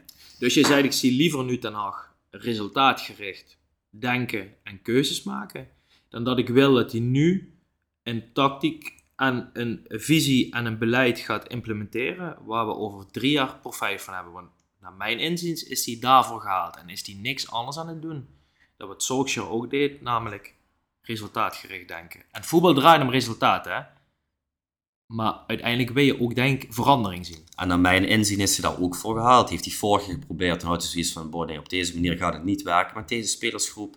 Dit jaar heeft hij weer de intentie gehad, ik ga het weer op mijn manier proberen. En je ziet weer dat het niet gaat lukken. Dus inderdaad, dan ga ik voor optie 1, dat hij nu terug moet schakelen naar wat hij vorig jaar ook dat punt zat. We moeten nu resultaatgericht gaan voetballen. En dat zorgt bij mij voor tijd. En dan hoop ik dat we dadelijk met zelfvertrouwen bij de spelers, et cetera, et cetera, een moment in het seizoen gaan krijgen. Dat ik het wel langzaam naar mijn hand toe kan zetten. En dat was vorig jaar precies hetzelfde. Dus ik denk dat je gewoon hetzelfde proces weer gaat doorlopen als afgelopen seizoen. Is dat fijn voor de lange termijn? Nee, voel als een absoluut vrij eindeloze cirkel met maar één eindresultaat. Een nieuwe trainer. Of dat nu komend seizoen is, of het seizoen daarna. Maar Het als voelt je, als een eindeloze cirkel, maar of het, eh, het resultaat is een nieuwe trainer. Dat ik zeg niet dat dat Ik- verandering brengt. Ik, Nogmaals, ik, ik zit denk in- dat dat geen verandering brengt. Nee. En ik persoonlijk zou het niet doen. En ik merk ook bij de United fans dat hij ook nog wel genoeg credits heeft. Maar ja, goed, ja, weet je, iedereen weet natuurlijk hoe het werkt. Eh, er moeten heel snel nu resultaten komen. Kijk, en Brighton, Spurs en Arsenal is er uit te leggen. Bayern zal woensdag nog wel uit te leggen zijn. Ja, zeker met alle... Maar goed, Burnley, dat ja. is natuurlijk niet meer uit te leggen. Ja, ja, goed, kijk, als je natuurlijk Manchester United heet, vallen die resultaten niet uit te leggen. Nee, dat qua wel- statuur niet, maar dat is wel de realiteit. Ja. Het is gewoon de real- je bent gewoon op papier, bij, of ja, je bent qua statuur een van de grootste clubs ter wereld, maar op het veld ben je dat verre van. Dan hoor je niet eens bij de top 15 naar mijn mening. En Nee, terwijl er, top toch, 20. terwijl er toch aan het begin van het seizoen eh werd verwacht dat United, eh, inclusief eh, ikzelf, toch wel Ja. bij de top 4 eh, zou kunnen eindigen. Maar op dit moment denk ik dat zelfs de top 6 lastig wordt als je zo doorgaat. Ja, mee eens. Toch? Ja, zeker. Nou, zeker. zijn we het toch nog ergens over eens. Dat is fijn. Dan gaan we naar Ajax. Ehm, Ja, Gekeken? Eh, ik heb een stuk gezien van een klein stukje van de tweede helft. Ik heb niet, eh, het, viel, het zat een beetje overlap met onze eigen voetbalwedstrijd. Nee, ik heb wel even de samenvatting teruggekeken en ik schrok eerlijk gezegd, ja, ik schrok van het niveau. Zelfs ik schrok van het niveau. Heb je iemand van die aankopen gezien waarvan je denkt van, poh, daar Nee, zie ik wel iets in. de enige die mij het meest positief opviel was Brian Robbie. Ja, dat Dan dacht ik hey, oké, dit is wat dus Brian Robbie kan. Dit kan. Het deed me veel plezier om eh, ah, die jongen eh, zo te zien renderen. Ook met het oog op Nederlands elftal. Onze hele spitse discussie van een aantal weken terug. Ehm, nee, ik, daar is me eigenlijk nee, daar is me niemand opgevallen. En ik dacht van, oh, nou, die valt er positief op. Ik vond, eh, nogmaals, samenvatting is natuurlijk een beetje vertekend beeld ook. Maar zo'n Soetelo, die zat er eigenlijk meer naast dan wat anders. Die speelde heel slecht. Ja, ik denk dat dat zo was wel de jongen van ik dacht, oké, die kan makkelijk mee in dit niveau. Nee. Nee, daar is niemand van. Ik zeg, Nee. nou, ik snap wel waarom Island dat die gehaald heeft. Ehm, Kijk, en ik wil die Ja. jongens zien na één wedstrijd, wil ik die al meteen beoordelen. Maar meestal zie je wel een bepaalde aanname of een, een bepaalde paas of wat dan ook. Dan zie je wel iets van, oké, die jongen heeft iets. Maar ja, goed, we hebben er nu ongeveer eh, tegen Fortuna en Twente een stuk of negen aan het werk gezien. Voor een kleine periode. Ja, en als je er dan geen één uit kan halen waarvan je denkt van, poh, die voegt echt direct iets toe. Ja, dan wordt het gewoon een kansloos seizoen dit seizoen. En er zijn ook best wel veel jongere jongens gehaald. Allemaal in een leeftijdscategorie tussen de 1 en 24. Geeft je ook een waardeloos signaal af naar de jeugdopleiding, naar mijn mening. Want ja, ik denk van, weet je, zo'n Silvano Vos of, of eh, die Misubi. Twee hele getalenteerde middenvelders. Of eh, Mika Gods, inderdaad. Ja, weet je, wat doen die jongens nou onder van al deze aankopen die nu gehaald zijn? Kijk, AZ heeft je al ingehaald, want je was altijd de beste jeugdopleiding van Nederland. En er werd heel lang gesuggereerd, misschien wel van Europa. Nou ja, goed. Ja, eh, je zit misschien nu nog niet eens in de top 3 van Nederland. Want al die jeugdspelers die ga je nu alleen maar weglopen. Dus ja, goed. eh dit wordt natuurlijk eh ja, dit wordt een kansloos seizoen. En eh, komende week Marseille thuis en Feyenoord thuis. Ja, ga er maar aan staan. Ja, we hadden de stelling of Maurice Stijn er nog zou zitten na die drie wedstrijden, meen ik aan het einde van de vorige podcast. Ja, of zei je volgende week? Of volgende week, ja, Ja, een van die ja. twee. Maar volgens mij is dat vooral met het oog dat we ook Marseille hadden gehad. Ja goed, weet je, daar hoeven we niet per se dieper op in te duiken. Ik verwacht namelijk... Ja, het lijkt me wel erg eh, eh, frappant als ze hem na de klassieker zouden ontslaan. Stel, je verliest door de weeks en komende zondag weer. Maar ik blijf er wel bij, die gaat de winterstop niet halen. En daar kan die waarschijnlijk dan... eh, Nee, ja, hij kan er zeer zeker zelf iets aan doen, want ik vind dat het de verkeerde trainer is voor de verkeerde club. En ik denk niet dat hij tactisch vermogen heeft om deze jongens naar zijn hand te zetten. Maar kan hij daar wat aan doen? Want dit wisten we toch eigenlijk al voor Nou ja, laat, laat ik het zo zeggen. Kijk, in de situatie waar we discussie net over hadden ten opzichte van Maurice Stijn, weet ik 100% zeker dat Den Haag inspraak heeft gehad op alle transfers. En Maurice Stijn heeft aangegeven, en volgens mij is het ook feitelijk onderbouwd door Missentat, dat hij nul inspraak heeft gehad. Dus in zijn situatie zou ik zeggen, hij kan er misschien wat minder aan. Weet je wie wel inspraak heeft gehad? Jan van Hals. Jan van Alst. Die is bij iedere transfer is hij erbij geweest en die heeft voor iedere transfer goedkeuring gekregen. Ik zag kan je dat nou voorstellen? dat zitten te duik. Daar zit hij, oude Jantje. Expeditie eh, Robinson Jan. Maar, ehm, Twente naar de kloten geholpen. Daarna een jaar lang op tv uitgelegd hoe iedere voetballer moet voetballen. En nu Ajax de kloten helpen. Kijk, er is maar één ding wat bij Ajax moet gebeuren. Dat is Missintat eruit, Stijn eruit en Jan van Hals eruit. En dan gewoon een hele fluwele revolutie. En dan ben je dadelijk ook anderhalf jaar, twee jaar verder. Maar dat is het enige middel wat er is. Want dit, ja... Ja, weet je, je hoeft niet eens verstand van voetbal te hebben om te zien dat dit gewoon één Ja, grote wa- wa- dece- ja. deceptie is. ik, wil, eh, ik wil namelijk ook, dat vind ik persoonlijk ook wel erg belangrijk, eh, terug naar de stelling. Want de stelling was AZ heeft Ajax ingehaald als titelkandidaat. ja, jij twijfelde. Eh, ik twijfel over AZ. Nee, onzin. Ik twijfelde niet over het feit of AZ Ajax heeft ingehaald, maar ik twijfelde meer over het feit of ik AZ als titelkandidaat durf te bestempelen. Maar meer als Maar- Ajax, toch? Mm, Dit seizoen. Ja, maar ik zie AZ ook weer ergens zeg maar, imploderen en dat ze dadelijk gewoon vijfde worden. Snap je wat ik Maar bedoel? zie je die nog verder wegvallen dan Ajax? Nee, ik, weet je wat ik wel denk? Oprecht, het klinkt misschien gek wat ik zeg, maar Ajax kan eigenlijk alleen maar beter worden. Ja, Ja, dat maar klinkt, maar dit maar nee, maar dit klinkt misschien gek wat ik zeg. Want kijk, uiteindelijk gaan dadelijk wel bepaalde patronen zich vormen. En bepaalde automatismen. Nogmaals, er staan nu gewoon elf jongens op het veld, waarvan er negen alleen een keer samen hebben getraind. Bewijzen van, hè. Eh, of misschien niet eens samen hebben getraind omdat ze op internationale eh, verplichtingen Mhm. hadden. Dus daar zou ik, ergens heb ik het gevoel, oké, het kan eigenlijk alleen nog maar beter worden. Of het met Stijn is of niet.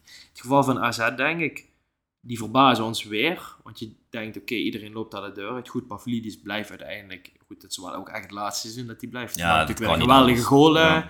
afgelopen weekend. Maar toch, daar staan er weer twee, drie jongens op waar je nog nooit van hebt gehoord. Of ze halen ze ergens, weet ik veel, twee Grieken of wat het ook zijn.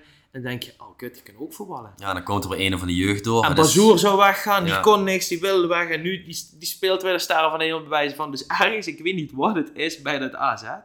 Maar die hebben er echt een missie van gemaakt. Dat gewoon iedere jongen die erbij komt, dat is van de jeugd is van buitenaf, voelt iets toe. Een beetje als Feyenoord.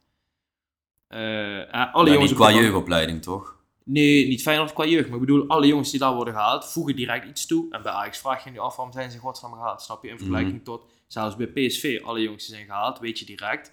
Die voegen iets toe. Dat elftal wordt beter. En bij Ajax blijft dat eigenlijk één groot vraagteken. Dus eigenlijk des te meer credits naar AZ. Alleen wat ik nog wel interessant vind is... eh, Kroeze is zijn naam, hè? Mhm, De algemeen directeur nu van AZ. mhm. Mag in maart volgend jaar beginnen bij Ajax. Ja. Blijkbaar is hij nu wel al betrokken bij een aantal zaken. Wat ik overigens zelf dan weer zeer gek vind. Dat nu dus een algemeen directeur bij Ajax rondloopt. Ja, dat, wat vindt AZ ervan? Of wat vindt Ajax ervan dat hij bij AZ rondloopt? Ja goed, dat is dan een andere discussie. Maar die heeft nu al laten vallen. Ik ben het niet eens met het beleid van de club nu dat er een technisch directeur zit die eigenlijk de volledige hand heeft van. Dus met andere woorden, je gaat in maart elke keer opnieuw beginnen. Ja, Dat is nog lang. ja, Je kunt nog degraderen. ja, absoluut. Ja. ja. Nee, maar Ja. ehm, draagt dat voor jou bij aan de rust zo van een soort vooruitzicht van oké, ik heb die cruise hoog zitten en het kan alleen maar beter? Of draagt het voor jou eh, meer bij aan de onrust? Geeft het iets meer rust of draagt het bij aan de onrust? Nee, ik ben, ja, het, het geeft me meer berusting, want ik ben echt in mijn hoofd heel erg naar maart toe het leven. En dit, ja, ja, goed, het is erg om te zeggen, maar Hey, even voor de zie- luisteraar, het is 18 Ja. september. We nemen dit moment op 18 september Ja. op. Maar het is ongeveer eh, anderhalve maand voor het einde van het seizoen. Ja, klopt. Dus wat er nu iedere week op het veld gebeurt, ik, eh, ik Is voor jou een streep weg op de kalender van we zijn bijna bij. Precies, en ik kijk ernaar en eh, ik hoor het allemaal aan wat er allemaal verteld wordt, maar ik probeer ervoor te zorgen dat het me zo min mogelijk doet. Oké, maar dan ga ik je nog een andere vraag stellen.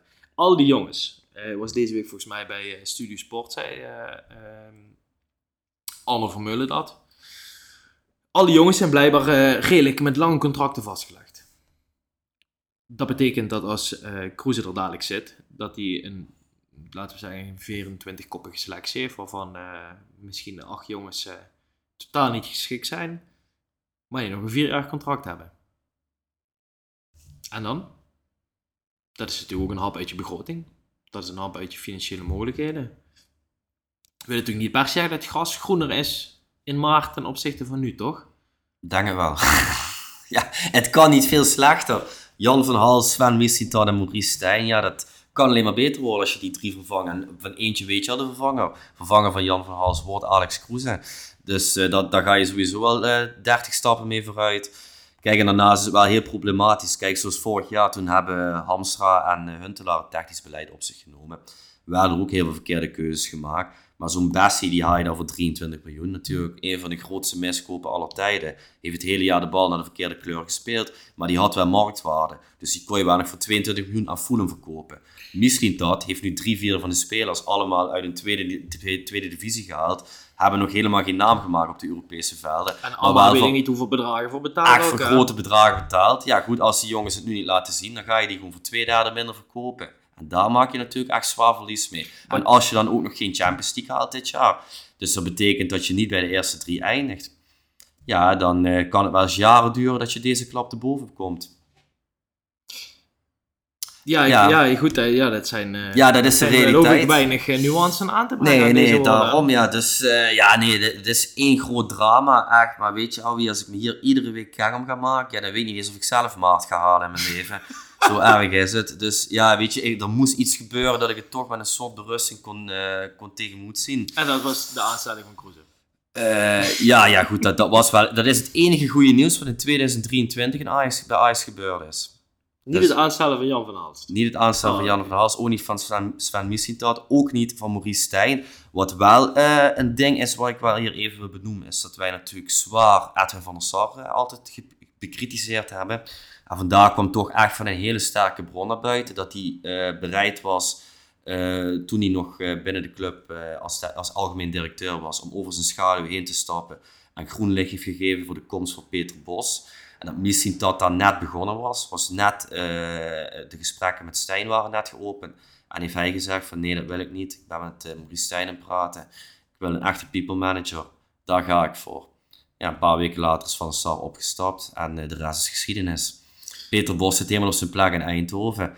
En Maurice Stijn heeft het iets minder comfortabel in Amsterdam. Ja, la- laten we één ding voorop stellen. Eh, ik denk dat vooral eh, heel Nederland van de Sar altijd gebekritiseerd heeft over het feit hoe hij zichzelf en de club presenteerde naar buiten toe. Iets wat hij totaal niet bezit. Ik geloof best dat hij in die driehoek eh, van der Sar, Overmars, Den Haag een hele belangrijke pion was. En op het moment dat daar twee van wegvallen, hij natuurlijk dat op geen enkele manier meer in zijn eentje kon dragen. Want Te het stort- op het kaarthuis stortte gewoon in, letterlijk.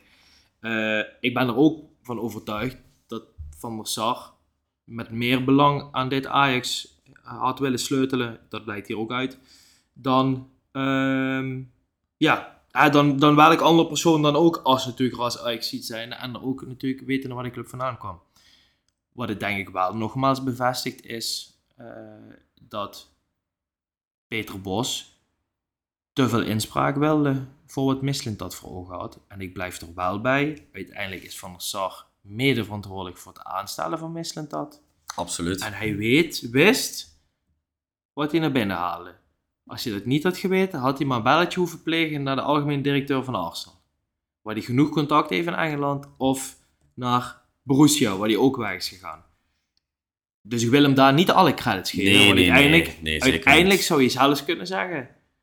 Is hij natuurlijk degene die dit debakel in gang heeft gezet. Hij is verantwoordelijk voor de komst en aanstelling En van uiteindelijk, Mislintat. zelfs al is hij niet de individu die hem heeft gebeld, wel als eindverantwoordelijk op zijn positie, is die hoe dan ook Mhm. verantwoordelijk. Zeker waar. Nee, ja, goed, daar, daar ben ik het heel mee eens. Alleen, werd natuurlijk gezegd van Van der Sar heeft altijd de komst van Bos tegengehouden. Nee, maar dat, dat geloof ik wel. Op een gegeven moment moet je... Op een gegeven moment, je, ook Van der Sar is natuurlijk niet groter dan de club of de belangen van de club. Nee, klopt. Maar wat er toen nog tijd gebeurde is, volgens dat Van der Sar vond dat Bos toen nog tijd Ajax in de steek had gelaten, want hij lag in conflict met Bergkamp. En Bos is naar Van der Sar ja. gestapt en heeft Ja. gezegd van of Bergkamp weg of ik weg. Ja. Van der Sar heeft gezegd van dan wil ik echt geen keuze maken. Bergkamp natuurlijk clubicoon van Ajax. Bos net een fenomena fenomenaal seizoen met Ajax gehad met die Europa League finale.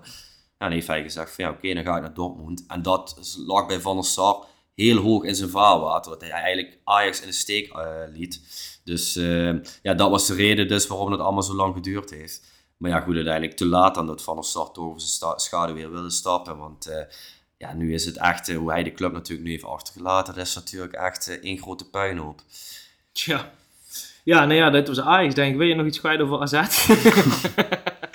Ja, ik, ik heb een stukje gezien tegen Sparta. Ik vond Sparta ook oprecht echt eh, leuk meedoen aan die Ja. wedstrijd. Ja, Eh, die hadden ook wel een gootje verdiend. Eh, ik denk dat die ook dit jaar wel hoog gaan eindigen. In de top 6, top 7. Maar ja, heel knap wat AZ doet. Alleen ja, bij hun dadelijk ook een probleem. Als er één of twee wegvallen, ja, dan wordt het toch kwalitatief natuurlijk al meteen heel erg minder. Ja, dat ik- zeggen we eigenlijk altijd, maar dat zal me niks verbazen dan toch wel iets nieuws op staan. ja, maar het is ook altijd dat het eh, nooit een heel seizoen stabiel is bij AZ. hè. Je hebt Nee. altijd een fase Nee, wel ja. inkak. En dat is waarom hun Ja. eigenlijk nooit En ook titelkandidaat als de zijn. Europese wedstrijden dadelijk beginnen te tellen, dat is ook, daar ben ik het wel mee eens.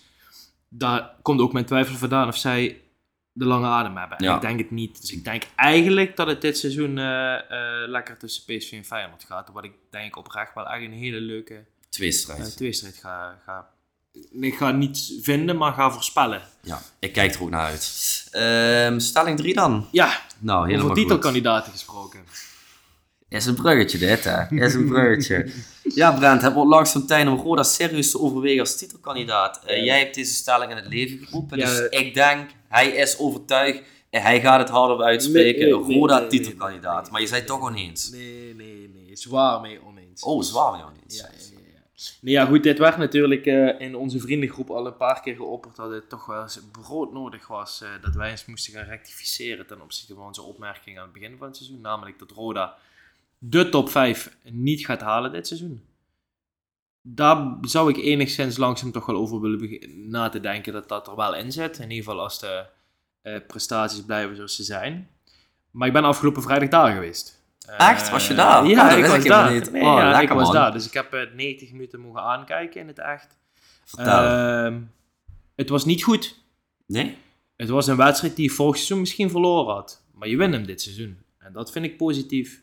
Wat ik ook positief vind, is het feit dat er belangen na geen favoriet opgestaan is. Wat vorig seizoen, hè, ook meermaals besproken, al vrij snel helder was. Ehm, Groningen, die je voorafgaande aan het seizoen had gezegd, die zijn de absolute titelkandidaat. Laat het niet zien. Maar het blijft Roda. En het blijft een hele jonge ploeg. Het blijft een ploeg met minder diepgang dan de andere titelkandidaten. Ik denk dat directe promotie persoonlijk nog een stap te vroeg komt. Maar wat ik wel durf te stellen is dat het voor het eerst sinds lange tijd, zelfs eh, denk ik als je de tijd van Streppel, de begintijd meeneemt, dat, het wel, dat je wel het gevoel hebt dat er keuzes worden gemaakt die ergens op slaan. Eh, ik meen dat we in het begin van Streppel eh, zijn per- eerste periode best wel lyrisch waren over in ieder geval het spel wat hij vertoonde. En jongens als Fluke en, en dat soort jongens Was omdat de periode daarvoor natuurlijk echt Ja, heel erg dramatisch was, hè? vorig seizoen was het natuurlijk de laagste klassering ooit. Maar natuurlijk dat corona-jaar nog waar Roda ook eh, laatste Ja, stond. onder hè. Jean-Paul de Onder Jong. Jean-Paul de Jong, wat uiteindelijk niet meer meetellen. Dus dat Ja, is natuurlijk ja. nooit officieel de boeken gegaan. Maar daar Precies. kwamen we vandaan. Eh, als Roda zijnde. Ja. Maar je hebt wel het gevoel, de spelers die zijn gehaald, de spelers die er nog lopen ten opzichte van vorig seizoen, de trainer die er zit, het technisch beleid wat er staat, het lijkt ergens op. En ik, dat, daar mag je gewoon je credits voor geven eh, naar de personen die daar verantwoordelijk voor zijn. Maar ik heb ook wel het gevoel dat in deze regio, en vooral bij de rode sporters eh, zelf, eh, ongeacht hè, of ze iemand aangesproken voelt nu die luistert of niet, er al wel heel snel een Hosanna-gevoel heerst. Wat naar mijn mening alles behalve gegrond is. Want daarvoor ben je denk ik al te lang rode supporter. En heb je al te veel van dit soort seizoenen meegemaakt waar het echt met pieken en dalen ging. Dus ik blijf erbij, als ze dadelijk over 6, 7, 8, misschien 10 speelronden nog steeds bovenaan staan en het gaatje dan nog steeds 3 tot 5 punten is, dan wordt het misschien een andere discussie. Maar als je dadelijk twee keer op rij verliest, dan weet je ook alweer wat er eh, voor berichten rondcirculeren de- op eh, het web. Ja, Toch? nee, zeker. Ik eh, ga even heel klein één ding zeggen voordat ik hierop inga. Heel klein. Eh, vanavond was ook een eh keukenkampioen divisie speelronde, zes wedstrijden. Groningen werd met 4-0 van Jong PSV. En we hebben net de discussie over AZ en Ajax gehad. Jong AZ werd met 5-2 van Jong Oh, Ajax. kijk aan. Ouder Den Haag verspeelt punten uit bij Eindhoven. Dus dat is op zich wel redelijk positief. We- want Roda staat dus nu bovenaan. Zes wedstrijden, 15 punten. VVV tweede, hè? VVV tweede. Terwijl die echt, eh, ja, de verwachting was dat die ook echt een heel zwaar seizoen kregen. Want die zitten ook zwaar in financiële problemen. Mhm. Konden ook niks versterken, maar doen het ook best goed. Maar daar zei je dus van, kijk, dat is een beetje identiek aan Roda. Dat gaat waarschijnlijk ook nog wel eens een keer wat minder worden. En bij Roda zie je dat eigenlijk ook. Ja, en ik was dus heel erg bang dat na die eh uitneerlaag bij Jong Ja. Utrecht. En dan de week daarna ga je nak uit. Denk van ja, dan zou het nu wel in kakken. Ja, goed, dat werd gewoon heel knap met 1-3 gewonnen. Afgelopen vrijdag heb ik dat niet gezien. Maar ondanks het feit dat het niet heel goed was, begreep ik wel dat de overwinning gewoon verdiend was. Zeker, kijk, Telstar was niet per se de mindere. Alleen, eh Roda was wel het meest efficiënte voor de goal. En, ehm nogmaals, het was een wedstrijd die vorig seizoen misschien gelijk had gespeeld Mhm. of had verloren. En nu trek je die over de streep. En dat zijn natuurlijk wel van die mini-overwinningen in zo'n selectie. Je hebt het vorig, vorige week over, ook over gehad, hè, aangaande de wedstrijd tegen NAC. Die je wel in een bepaalde flow gaat brengen. En hè, dit soort wedstrijden over de streep trekken en elkaar daarna in een kleedlokaal kunnen aankijken. Kunnen zeggen, oké jongens, het is niet goed, we kunnen beter. Maar we winnen. Dat doet natuurlijk veel. Alleen ja, nogmaals. Het zitten zes wedstrijden nu.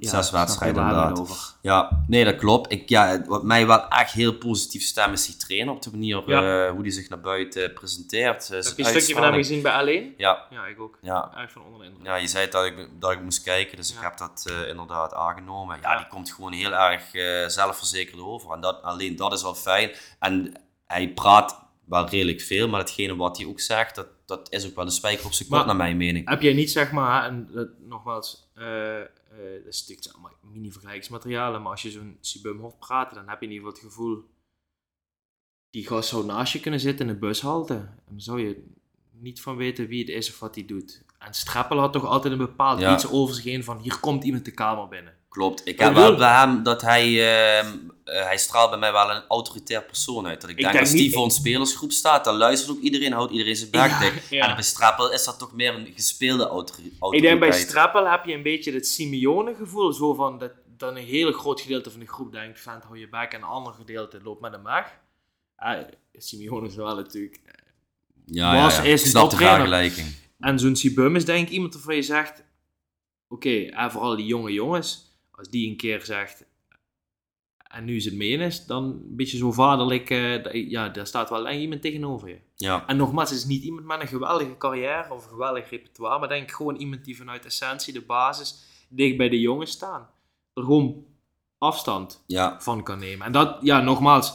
en Hij is ook onervaren genoeg dat het daar nog helemaal in kan storten. Mhm. dat Nee, ja, zeker, natuurlijk ook. zeker, zeker. Ja, dit zijn natuurlijk de positieve dingen. Maar ik denk wel, dit was wel denk ik iets wat de club nodig had. Die bepaalde vorm van stabiliteit. En gewoon niet lullen, maar poetsen, die mentaliteit. Dat is natuurlijk waar de rode supporters en rode eigenlijk mee te koop loopt. De koempelmentaliteit. En het was niet echt te zien. Ik vind dit elftal is ook meer een voetbalelftal dan een, dan een knokploeg. Maar ook op die moeilijke momenten, zoals uit bij NAC. En nogmaals, tegen Thales was het niet per se moeilijk, maar het lukt ook niet helemaal. Toch zijn overwinning over de streep trekken. Ja, je hebt wel een soort eh, eh, beleving van de clubmentaliteit in een trainer die voor een groep kan staan. Ik denk dat dat wel iets heel positiefs is. Man. Ja, en ik denk juist die basis en die stabiliteit, wat jij benoemt, ik denk als je die al na zes wedstrijden echt goed in orde hebt, ja, dan kan je dat wel heel veel brengen eh, in de loop van het seizoen. En ook dat je wellicht dadelijk op het einde van het seizoen aan het hoogste eind kan Ja. trekken. Maar ja, goed, het is natuurlijk nu allemaal nog zo Nee, vroeg. daarom. Dus daarom. ja, die, inderdaad, die mensen die dat roepen, stop daar alsjeblieft mee, want daar ben je inderdaad veel te lang rode supporter voor. Maar ja, ik, eh, het is wel fijn dat er gewoon echt een positieve sfeer rond die club hangt, want ook dat is al eigenlijk vrij lang geleden. 100%, maar en ik denk wel, eh, als je dan zo, een soort van vooruit wil eh, lopen op zaken, wil ik nog één stap terugpakken. Bijvoorbeeld afgelopen vrijdag, Wissa die had niet zijn sterkste wedstrijd. Dan heb je op een gegeven moment toch wel eens 60 minuten het gevoel van oké, je moet nu eigenlijk, je moet hem eigenlijk eraf halen. Goed, hij geeft dan wel een assist bij de 1-0. Vorig seizoen als je wisselen, wist je eigenlijk van ja, er komt er toch weer een of andere knakkers in, die bakt er toch niks van. Hij brengt die van der Heijden Mhm. Je ziet wel, oké, er- oké, je hebt weer een optie. Die jongen scoort uiteindelijk. Maar er komt wel weer iets naar binnen Ja. die weer wat nieuws brengt. En Ja, nieuw volgens- elan. Ja, Ja. precies. Dus dat vind ik heel positief.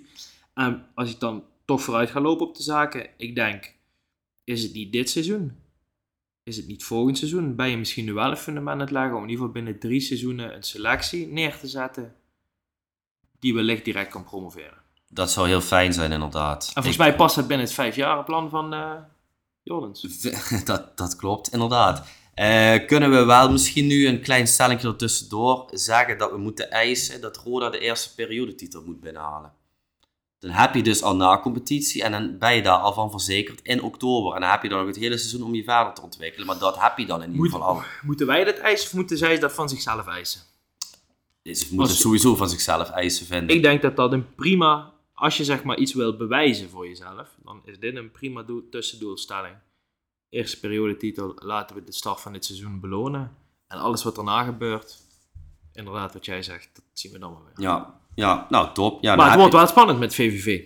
Ja, dat klopt. Maar ja, stel je hebt dadelijk echt zo'n fase dat je echt inkakt. dan Wanneer eindigt de eerste periode? Ik dacht aan negen wedstrijden, meende ik, maar dat durf ik niet mijn handen voor het vuur te steken. Komende vrijdag Den Bosch thuis, ja die moet je gewoon winnen. En dan ben je dus twee wedstrijden verwijderd van je periodetitel. Ja, inderdaad. Ja, die, op papier moet je die zeker winnen. Ja. Ja. Ja. die hadden nog een aparte wedstrijd tegen MVV. Ja. Het vijf minuten voor tijd stonden ze 2 en achter en die wonnen nog met 3-2. Ja. Ja. heb ik afgelopen vrijdag. Ja, Ja, leuk voor twee de keer Schengen. stilgelegd die wedstrijd. Ja, inderdaad. En ja, Brent, eh, klein bruggetje van de keukenkampioen-visie naar de Champions League die deze week gaat beginnen. Eh, ik zei dan een klein beetje in de inleiding. eh, we hebben het afgelopen week hebben de Nederlandse ploegen al een beetje doorgenomen in de Champions League. Daar zijn we niet heel diep op ingegaan. Eh, maar jouw club Arsenal die opent dit weekend na zes jaar, kan dat? Mhm. Ook het Champions League bal tegen toevallig een Nederlandse club. Tegen misschien wel de best voetballende Nederlandse club momenteel. Daar kan je over twijfelen tussen PSV en Feyenoord. Maar dat ze het heel goed doen, dat kunnen we wel vaststellen. Ja. Eh, de stelling was dus ook, dit PSV gaat een resultaat halen bij Arsenal. We zeiden beide oneens. Eh, we zeiden ook afgelopen week van, ik denk, we denken wel beide dat het een wedstrijd gaat worden.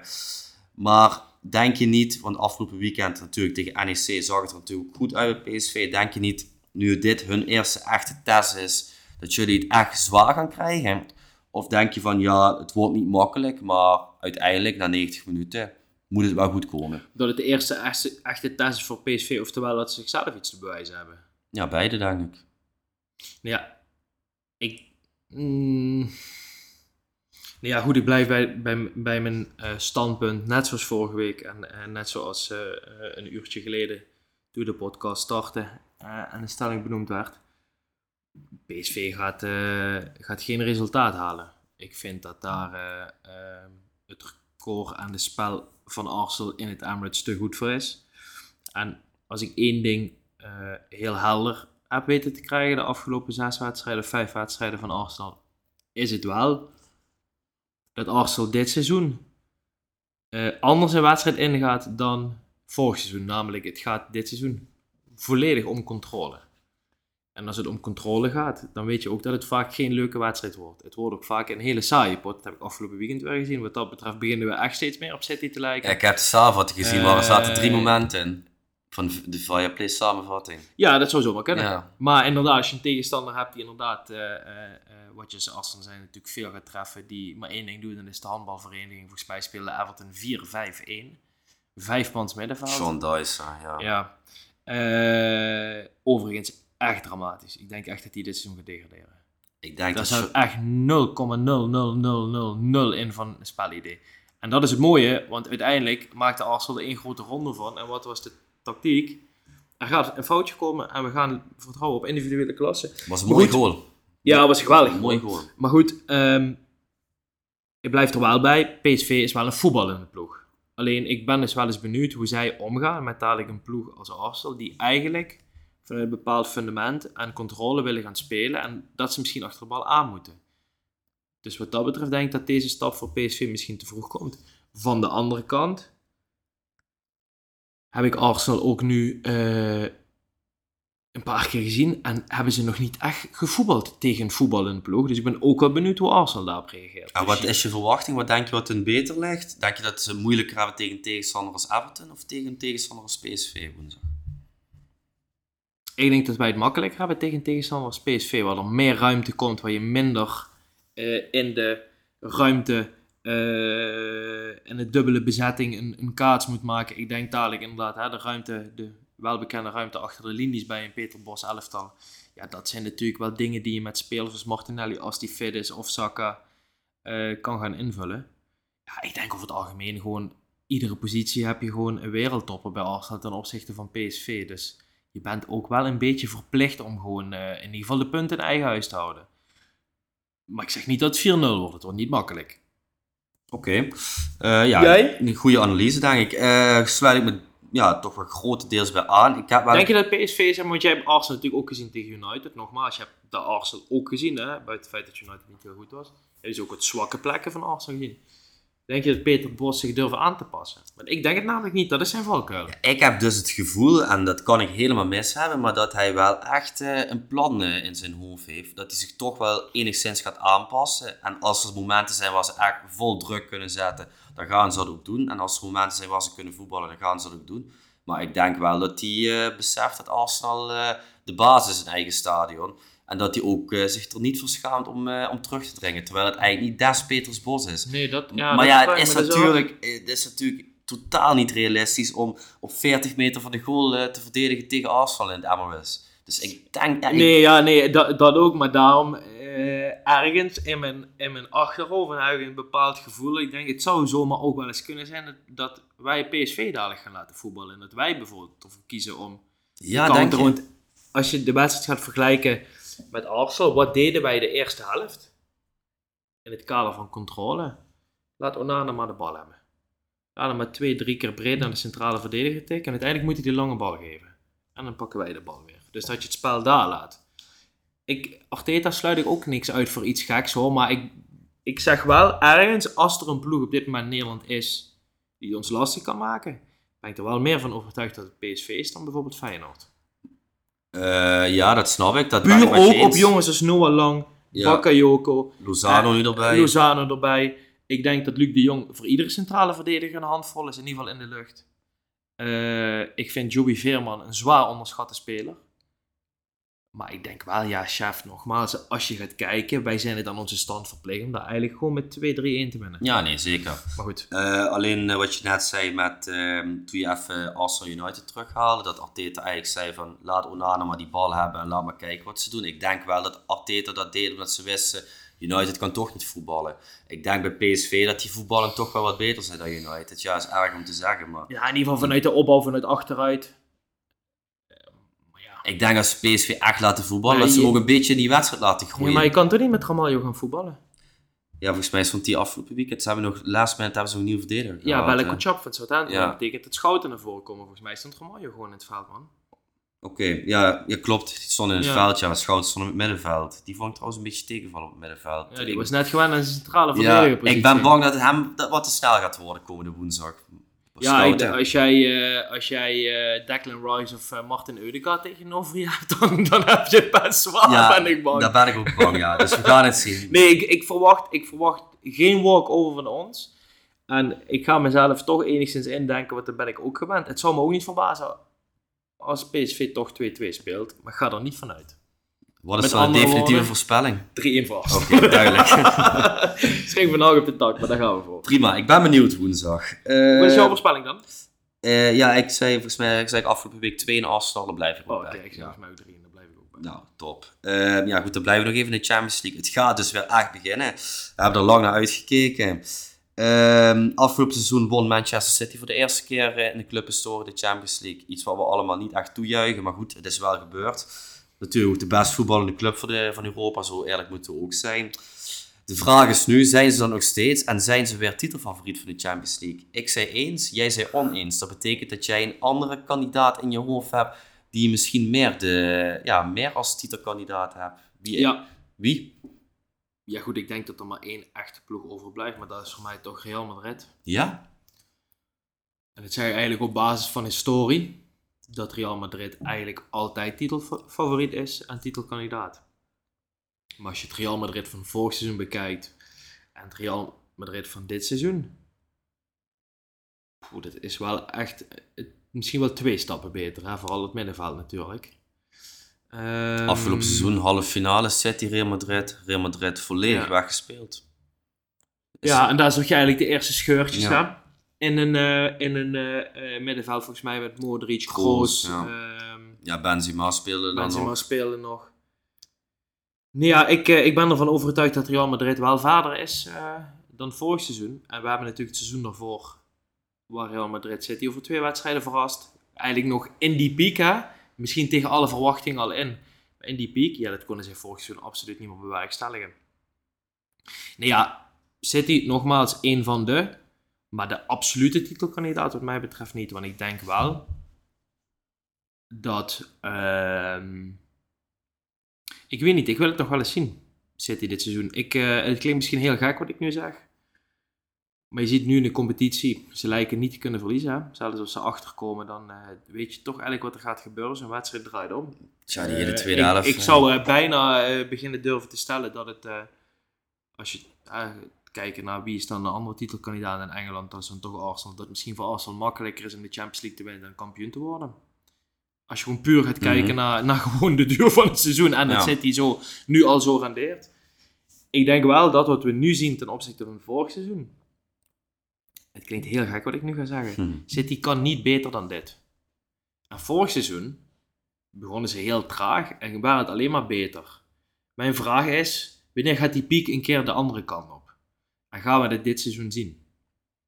Die gaat wel komen, dus denk je. Weet ik niet. Dat is een heel groot vraagteken mij. Of je zou zeggen, in ieder seizoen zitten pieken en dalen. En vorig seizoen City begon dramatisch. Zeg maar. Mhm. Daardoor was Arsenal vrij snel, volgens mij op een gegeven moment 6 tot 9 punten los. Ja goed, dat zit er op dit moment niet in. Je hebt op dit moment het idee dat als Arsenal ook maar een punt verspeelt, dat het meteen funest is voor de titelstrijd. Maar ik vraag me af, zit er ergens, gaan we ergens een, een, een, een, een trainer beneden zien met City? Want ja, hier zit niet nog een overtreffende trap op, want dan kunnen we net goed stoppen met voetballen. Normaal gezien komt er wel nog altijd eh, een daling. Alleen ja, er is één club eh, met één trainer die bewezen heeft om dat de hele seizoen stabiel te houden. En dat Ja. is eh, Guardiola bij Barcelona. Ja, Dus ja, als iemand het kan, is hij het wel. Guardiola bij Barcelona. Tijd dat hij bij Barcelona Oh, zat, die periode. In de wal was. met Oh nee, nee, nee, nee. Je weet over welke periode ik het heb. Ja. Ja, ja, toen hebben ze natuurlijk eh, iedere prijs gewonnen die er bestond eh, in, eh, in de wereld. En dat Maar daar hadden we ook, met alle respect, had hij ook Messi in zijn absolute piek. Iniesta in zijn absolute piek. En nogmaals, Het elftal was beter, maar ik denk wel dat deze selectie beter is. ja, die selectie is in breedte tien keer beter. Ja, dus ja, ik denk dat hij het wel kan bewerkstelligen met deze selectie. Ja, maar ik vraag me af. Kevin De Bruyne is nu weer geblesseerd. Ja goed, hoe lang blijft hij eens een keer een heel seizoen, eh, of blijft hij nog een heel seizoen fit? Kyle Walker is ondertussen eh, 32, weet je. Eh, wanneer gaat dat eens een keer wat minder worden? Eh, ze zijn Gundogan verloren. Wanneer gaan ze dat voelen? Eh, ja goed, Haaland is een robot, die scoort altijd. Alvarez, die zit nu is in vorm. Gaat die het hele seizoen kunnen volhouden? Voor Mhm. mij zijn er zeer zeker nog variabelen Ja, om ja, te hopen klopt. dat het een keer minder wordt. Maar stond toch wat nieuwe namen inderdaad te gewesten. zo ja, en heb je zo'n docu en zo. Ja. Goed, dat is ook een jonge knul. Die zal nu, nogmaals, ik denk dat als jij nu bij City gaat voetballen, dan kom je mee. Ja, ik zou niet die goal maken wat hij zondag heeft maar, gemaakt. je maakt die gewoon niet. Maar het is wel hartstikke fijn om in een team als. City eh, debuut te mogen maken. Want dat heeft het voetbal bijna uitgevonden. Nee, maar ik vraag me gewoon heel erg af, eh, zit er nog... eh, Ja, ik- misschien is het meer hoop. Misschien moet ik het daarop houden. Er is meer hoop dat ik hoop dat het niet beter wordt dan dit. Dat snap ik natuurlijk, eh, Ja. vanuit meerdere kanten, ja. Ja, ja. ja, goed. Maar jij was het ermee eens. Ja, ja, ik, ja, ik heb wel even na moeten denken toen, toen de stelling voorlas. Maar ik denk van, ja, wie dan? Wie dan? Jij zegt Real Madrid. Die doen Barcelona. Zijn, Vraagteken. zijn goed aan het seizoen begonnen. Maar ehm, ja, als ik dan City en Barcelona naast elkaar leg... Ja, dan vind ik City toch nog wel echt een paar gradaties hoger. Weet je wat ik... Ik ga een... eh, Ja, Ik United ga- ik ga- misschien. Nee, ik wil, eh, ik wil een soort van een statement maken, maar niet een statement. Maar ik durf misschien nu te stellen dat daar waar wij historisch gezien als Arsenal zijnde, of tegen Bayern München of tegen Barcelona, altijd in de eerste ronde na de knock-out fase eruit vlogen, durf ik te stellen dat wij op dit moment van Barcelona kunnen winnen. Ja, dat denk ik ook wel. Oftewel, Barcelona is voor mij alles behalve titelkandidaat. Wie vind je echt eh, die, van alle ploegen die in de Champions League zitten beter dan Arsenal? City, Real Madrid. Hmm. Dus je, je hebt meer kans tegen Barcelona als Arsenal zijn dan tegen Real Madrid. Ja, dat denk ik wel. Ja. Dat denk ik wel, man. Ik denk... Won de afgelopen weekend ook best moeizaam, hè, Real Madrid. Ja, maar goed.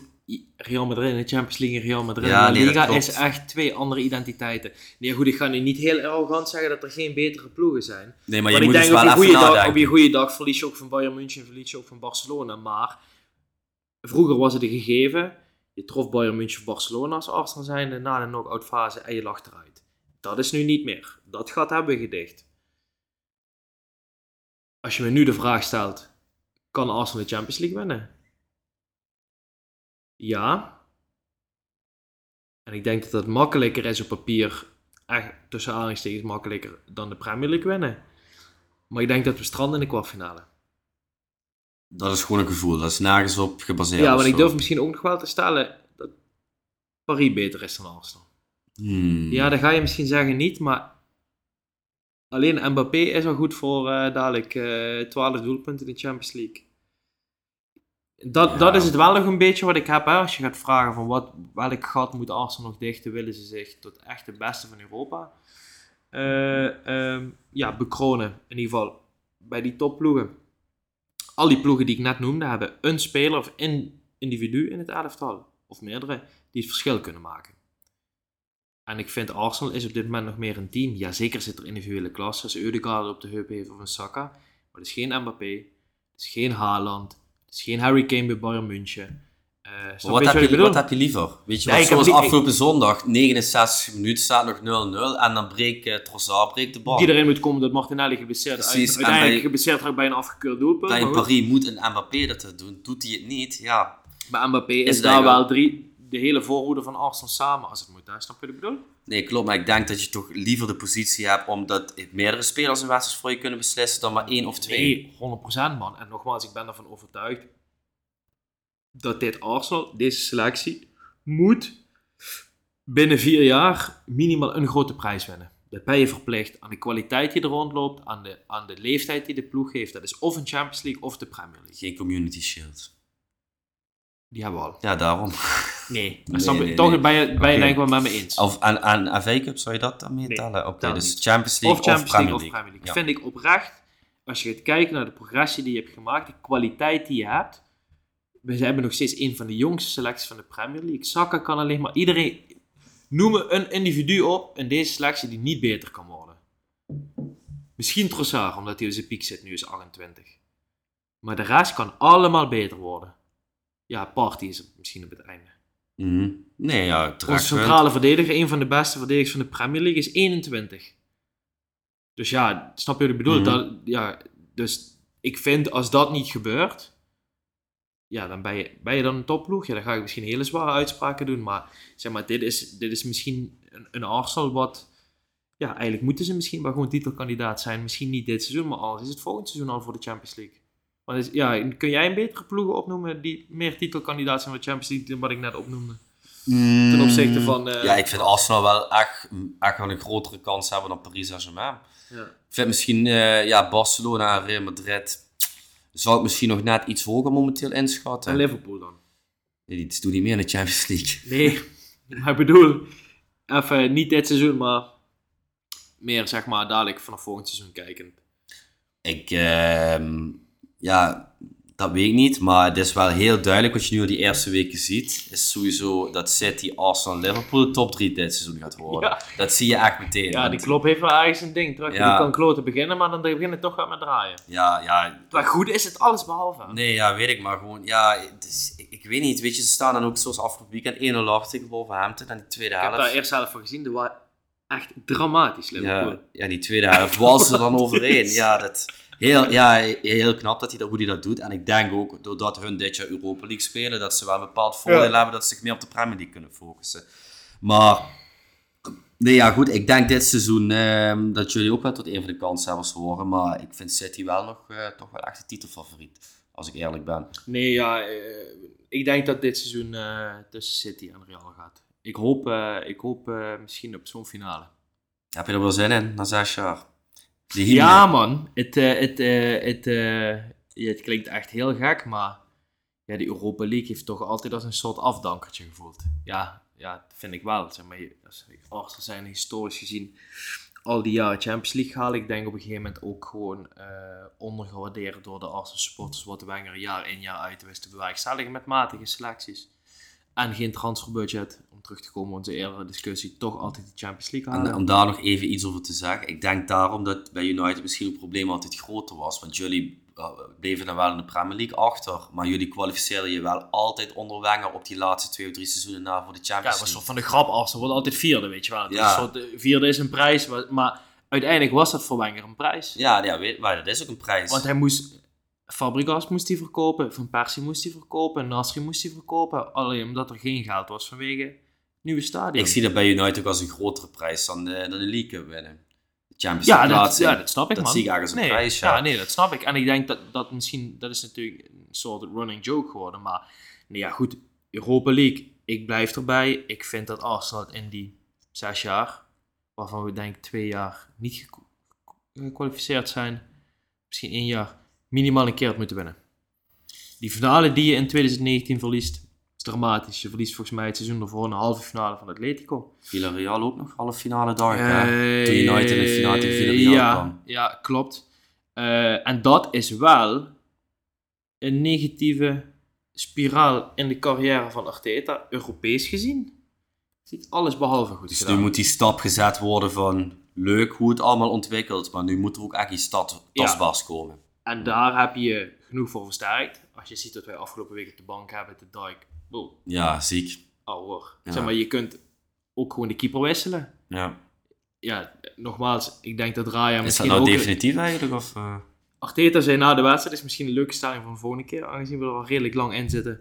Maar gelukt. ehm Arteta zei: Waarom kan ik niet de keeper wisselen, net zoals ik Fabio Vieira breng voor Havertz of Eddie Nketiah voor eh Gabriel Jesus? Ja. Waarom is er zo'n nuance in het voetbal dat ik dat niet kan doen? Hij zei zelfs: In mijn jonge trainerscarrière van drie jaar heb ik twee hele grote dingen waar ik spijt van heb.